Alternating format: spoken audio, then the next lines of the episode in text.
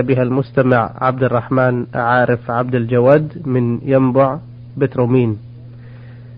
السؤال الأول في رسالته يقول هل يجوز للإمام أن يطيل ركوعه عندما يحس أن بعض الناس المصلين يريدون إدراك هذه الركعة أم لا؟ بسم الله الرحمن الرحيم الحمد لله رب العالمين وأصلي وأسلم على نبينا محمد وعلى آله وأصحابه أجمعين. ذكر الفقهاء رحمهم الله أنه يستحب للإمام إذا أحس بداخل وهو راكع أن يطيل الركوع حتى يدرك هذا الداخل الركعة لكنهم قيدوا ذلك بشرط وهو أن لا يشق على المأمومين الذين وراءه. فإن كان يشق عليهم فإن مراعاة المأمومين الذين معه أولى من مراعاة هذا الداخل. ولا أعلم في ذلك سنة في هذه المسألة بعينها. ولكن ربما تؤخذ من حال النبي عليه الصلاة والسلام حيث إنه يراعي المأمومين حتى إنه إذا سمع بكاء الصبي خفف في صلاته صلى الله عليه وسلم مخافة أن تفتتن أمه. فإذا كان الرسول عليه الصلاة والسلام يراعي أحوال المأمومين إلى هذا الحد بحيث يخفف الصلاة من أجل ألا تفتتن أم الصبي الذي يبكي فإن مراعاة الداخل الذي يدرك الركعة بإدراكه الركوع من باب أولى. ولا سيما إذا كان الركوع آخر ركعة. لأجل أن يدرك المأموم الداخل هذا لأجل أن يدرك هذا المأموم الداخل الصلاة. فإنه ثبت عن النبي صلى الله عليه وسلم أن من أدرك ركعة من الصلاة فقد أدرك الصلاة. والإنسان إذا أدرك الركوع أدرك الركعة وإن لم يقرأ بأم القرآن. لا. لأنه ثبت في الصحيح من حديث أبي بكر رضي الله عنه أنه دخل والنبي صلى الله عليه وسلم راكع فأسرع ثم كبر وركع قبل أن يدخل الصف. فلما سلم النبي عليه الصلاة والسلام سأل عن الفاعل فقال أبو بكرة أنا. فقال النبي صلى الله عليه وسلم زادك الله حرصا ولا تعد. ولم يأمره النبي صلى الله عليه وسلم بقضاء هذه الركعة التي أدرك ركوعها. ولو كان النبي ولو كان لم يدرك الركعة لأمره النبي صلى الله عليه وسلم أن يقضيها. وعلى هذا فيكون حديث أبي بكرة رضي الله عنه مخصصا لعموم قوله صلى الله عليه وسلم في حديث عبادة بن الصامت لا صلاة لمن لم يقرأ بأم الكتاب أو بأم القرآن. أو قال بفاتحة الكتاب نعم.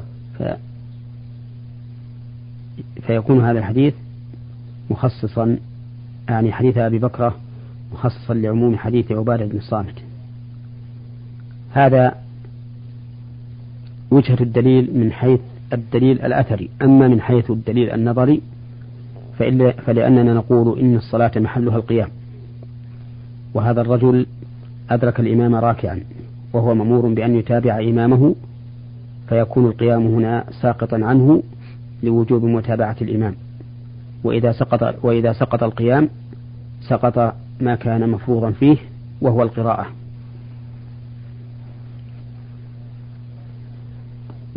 ولكن لو قال قائل إن النبي صلى الله عليه وسلم قال لأبي بكرة زادك الله حرصا ولا تعود. فهل يكون في ذلك دليل على أنه لم يدرك الركعة؟ فالجواب أنه لا دليل فيه لأنه لو لم يدرك الركعة لأمره النبي عليه الصلاة والسلام بقضائها إذ أن النبي صلى الله عليه وسلم لا يقر على شيء غير مشروع نعم. ولهذا لما دخل الأعرابي وصلى صلاة لا يطمئن فيها ثم جاء فسلم على النبي عليه الصلاة والسلام قال له ارجع فصلي فإنك لم تصلي ولكن قوله صلى الله عليه وسلم ولا تعد نهي عما لا ينبغي أن يفعل في حال الإتيان إلى الصلاة. أبو بكر رضي الله عنه أسرع ودخل وكبر للصلاة قبل أن يدخل في الصف. وركع مع الإمام دون أن يقرأ الفاتحة. فهذه ثلاثة ثلاث مسائل. أما المسألتان الأوليان فإنهما منهي عنهما. أما الأولى وهي الإسراع فإنه ثبت عن النبي عليه الصلاة والسلام أنه قال إذا سمعتم الإقامة فامشوا إلى الصلاة وعليكم السكينة والوقار ولا تسرعوا. فيكون قوله ولا تعد أي لا تعد إلى الإسراع نعم. وأما الثانية وهو وهي أنه دخل في الصلاة قبل أن يصل إلى الصف فهذه مخالفة لوجوب المصافة لأن الإنسان لا يك... لا يصلي منفردا مع بقاء الصف مع بقاء مكان له في الصف. وهذا الرجل كبر منفردا وهو خلاف المشروع فيكون منهيا عنه. نعم. أما المسألة الثالثة وهي أنه ركع مع الإمام لما أدركه راكعا فإنها لا لا تدخل في النهي. لقوله صلى الله عليه وسلم فما أدركتم فصلوا. وهذا الرجل أدرك الإمام راكعا فإن فيصلي معه. إذا يكون قوله ولا تعد عائدا إلى المسألتين الأوليين فقط. نعم. دون المسألة الثالثة. والمسألة الثالثة علم حكمها من عدم أمر النبي صلى الله عليه وسلم له بقضائها. نعم.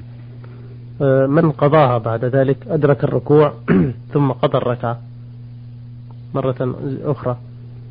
من أدرك الركوع ثم قضى الركعة التي أدرك ركوعها فإنه يعتبر زائدا في صلاته. نعم. فإن كان جاهلا فلا شيء عليه وصلاته صحيحة وإن كان متعمدا فإن صلاته باطلة لأنه زادها زاد فيها ركعة.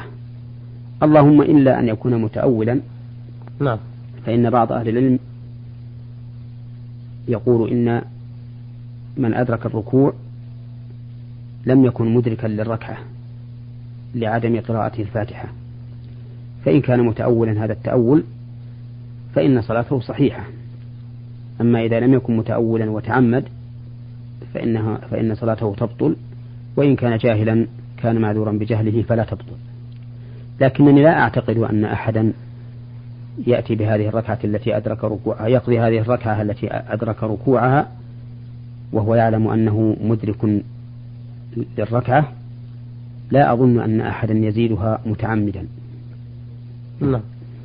كيف يتم إدراك الركوع؟ يعني إذا أمكنه أن يقول سبحان ربي العظيم مرة واحدة؟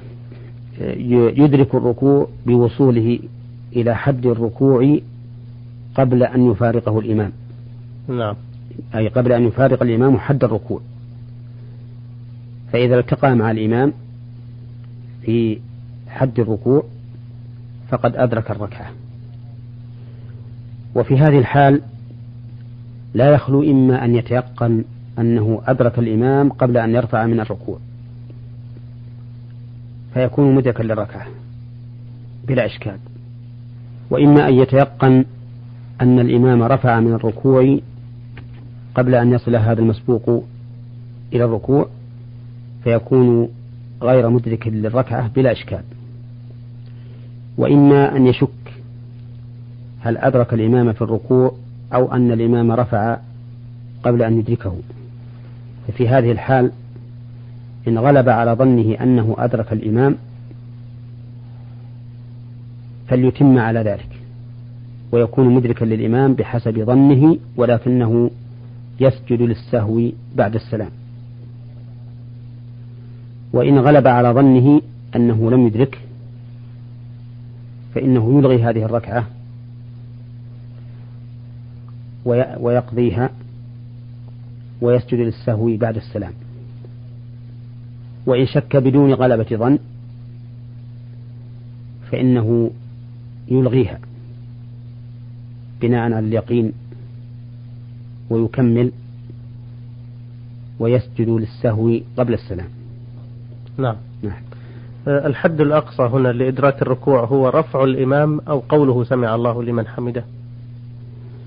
المعتبر رفع الإمام أي الفعل دون القول. لكن إذا كان لا يرى الإمام نعم. فإن بعض الأئمة قد لا يقرن قوله سمع الله لمن حمده برفعه. نعم. قد يقول ذلك قبل أن يشرع في الرفع وقد يقوله بعد أن يقف. متأخرا نعم. وفي هذه الحال إذا كان لا يراه فإنه يبني على القول إلا إذا كان يعرف من إمامه. أنه لا يقول سمع الله لمن حمده إلا بعد أن ينتهي رافعا أو أنه يقولها قبل أن يتحرك من من الرفع أن يتحرك بالرفع من الركوع فيبني على ما كان يغلب على ظنه. إنما المعتبر هو الفعل لا القول. نعم المعتبر الفعل. نعم بارك الله فيكم آه، السؤال الثاني يقول ما حكم الركعتين اللتين يصليهما الناس بين الأذان الأول والأذان الثاني قبيل خطبة الجمعة وما حكم الركعتين اللتين يصليهما الناس عند النية في الميقات للحج أو العمرة؟ أولا ليعلم أن الأذان الأول يوم الجمعة لا يكون إلا متقدما على الأذان الثاني بزمن يمكن للناس أن يحضروا إلى الجمعة من بعيد. نعم. لأن سبب مشروعية هذا الأذان سببه أن الناس كثروا في عهد أمير المؤمنين عثمان رضي الله عنه واتسعت المدينة فرأى أن يزيد هذا الأذان من أجل أن يحضر الناس من بعيد. ولا ريب أن عثمان رضي الله عنه من الخلفاء الراشدين الذين أمرنا باتباع سنتهم. والصحابة رضي الله عنهم لم ينكروا عليه فعله هذا. فيكون هذا الفعل قد دل عليه قد دلت عليه السنة ودل عليه عدم معارض من الصحابة رضي الله عنهم. فقد أمر النبي عليه الصلاة والسلام باتباع سنة الخلفاء الراشدين. ولكن كما قلت ينبغي أن يكون متقدما بزمن يتمكن حضور البعيدين إلى الصلاة. وأما كونه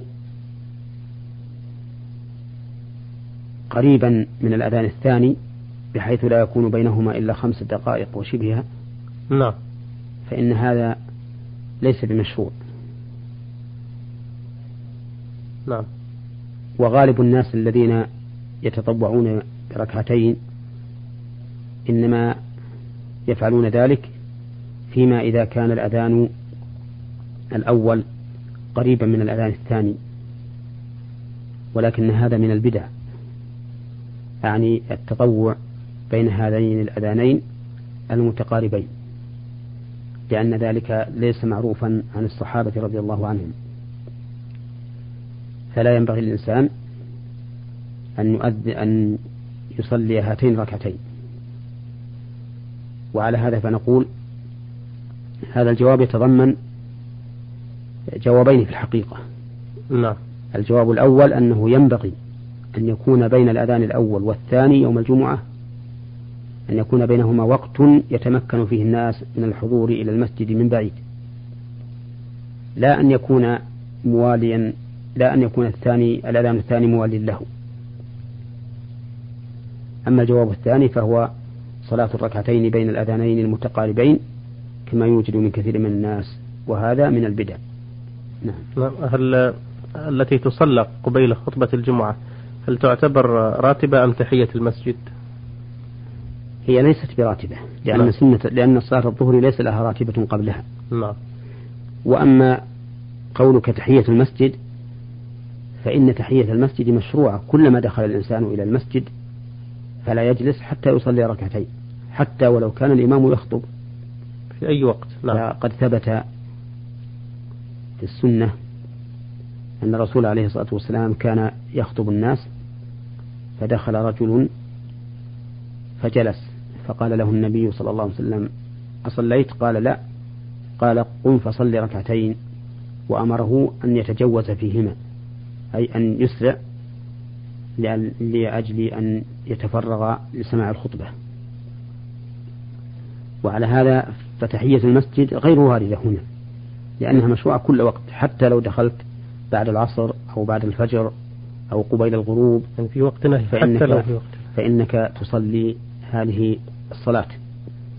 حتى إن بعض أهل العلم قال بوجوب تحية المسجد. وعلل قوله هذا بأن النبي صلى الله عليه وسلم أمر هذا الداخل أن يصلي والإمام يخطب. ومعلوم أن استماع الخطبة يوم الجمعة واجب وأن التشاغل بالركعتين يلهي عن هذا الاستماع. ولا يمكن التشاغل عن شيء واجب إلا بواجب. على كل حال تحية المسجد غير واردة هنا لأننا نقول إن تحية المسجد مشروعة لكل داخل على أي حال كان. نعم.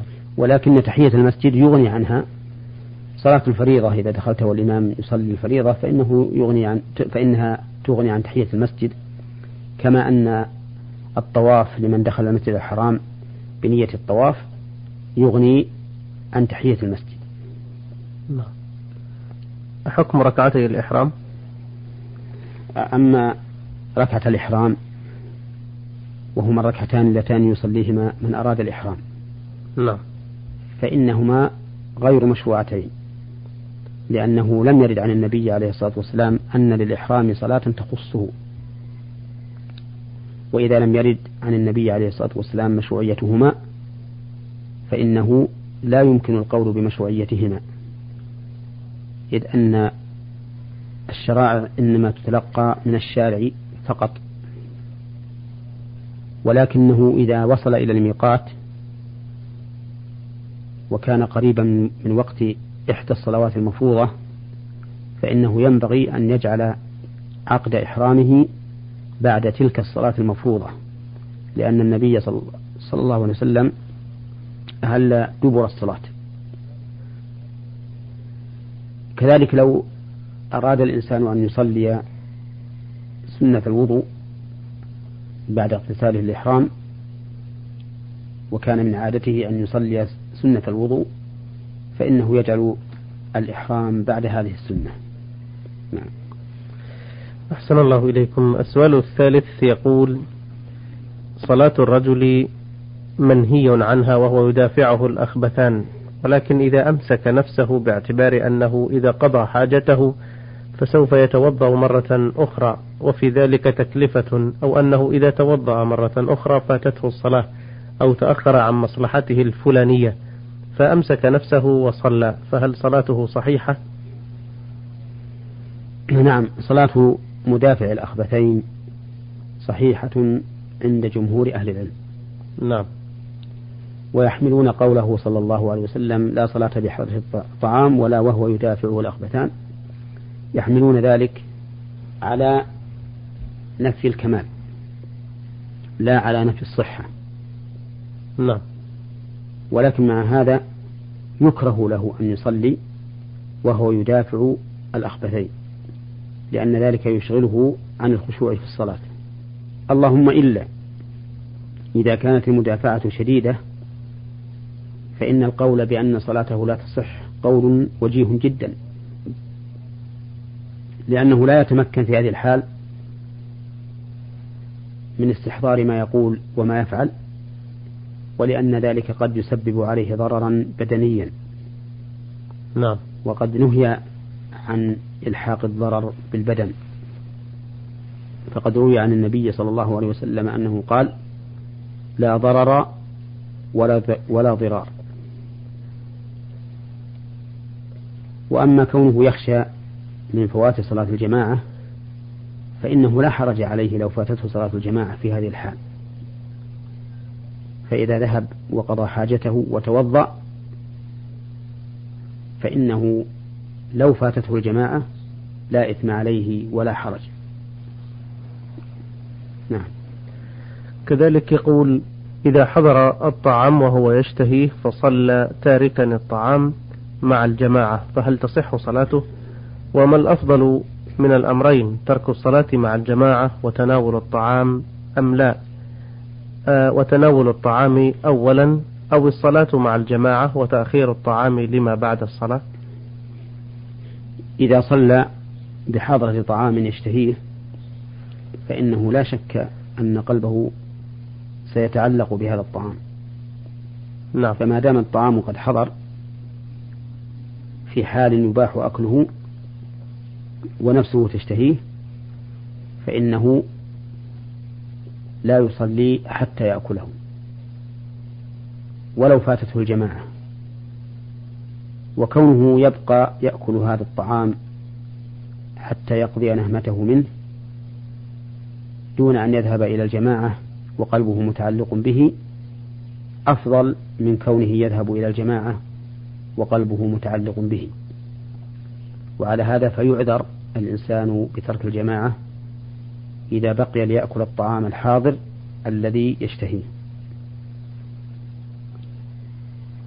للحديث الذي أشرنا إليه من قبل لا صلاة بحضرة طعام ولا وهو يدافعه الأخبثان. وكان ابن عمر رضي الله عنهما يسمع الإقامة وهو يتعشى فلا يقوم حتى يقضي نهمته منه. أحسن الله إليكم. هذا السؤال للمستمع نشوان حميد من العراق نينوى. يقول ماذا يعني تحضير الأرواح؟ وهل هذا موجود حقيقة أم خرافة؟ حيث يقال إن هناك أشخاص يحضرون أرواح الأموات ويلتقون معهم ويكلمونهم. فهل هذا صحيح؟ ويقال إنه توجد كتب عن تحضير الأرواح. فما رأيكم وما حكم ممارسة مثل هذا العمل؟ هذا التحضير لأرواح الموتى لا يصح ولا يمكن أن يكون ثابتا. وإذا قدر أن أحدا زعم أنه حضر روح فلان وخاطبها وخاطبته فإن هذا شيطان يخاطبه بصوت ذلك الميت. فإن الأرواح بعد الموت محفوظة. كما قال الله تعالى حتى إذا جاء أحدكم الموت توفته رسلنا وهم لا يفرطون. نعم. أي لا يفرطون في حفظ هذه الروح. ثم إن الأرواح تكون بعد الموت في مقرها ولا يمكن أن تحضر إلى الدنيا بأي حال من الأحوال. وتعاطي مثل هذا العمل محرم لما فيه من الكذب والدجل وغش الناس وأكل المال بالباطل فالواجب الحذر منه والتحذير أيضا لما فيه من المفاسد الكثيرة العظيمة. نعم. يقول في سؤاله الثاني إن موت الإنسان يعني خروج الروح من الجسد وعندما يدفن في القبر هل ترد الروح إلى جسده أم أين تذهب؟ وإذا كانت ترد الروح إلى الجسد في القبر فكيف يكون ذلك؟ ثبت عن رسول الله صلى الله عليه وسلم أن الميت إذا مات فإنها تعاد روحه إليه في قبره ويسأل عن ربه ودينه ونبيه. فيثبت الله الذين آمنوا بالقول الثابت في الحياة الدنيا وفي الآخرة. فيقول المؤمن رب الله ودين الإسلام ونبي محمد. وأما الكافر أو المنافق فإنه إذا سئل يقول ها ها لا أدري سمعت الناس يقولون شيئا فقلته. وهذه الإعادة أعني إعادة الروح إلى البدن في القبر ليست كإعادتها أو ليست كحصول روح الإنسان في بدنه في الدنيا لأنها حياة برزخية ولا نعلم كنهها. نعم. إذ أننا لم نخبر عن كنه هذه الحقيقة هذه الحياة. وكل الأمور الغيبية التي لم نخبر عنها فإن واجبنا نحوها التوقف. لقول الله تعالى ولا تقف ما ليس لك به علم إن السمع والبصر والفؤاد كل أولئك كان عنه مسؤولا. نعم. بارك الله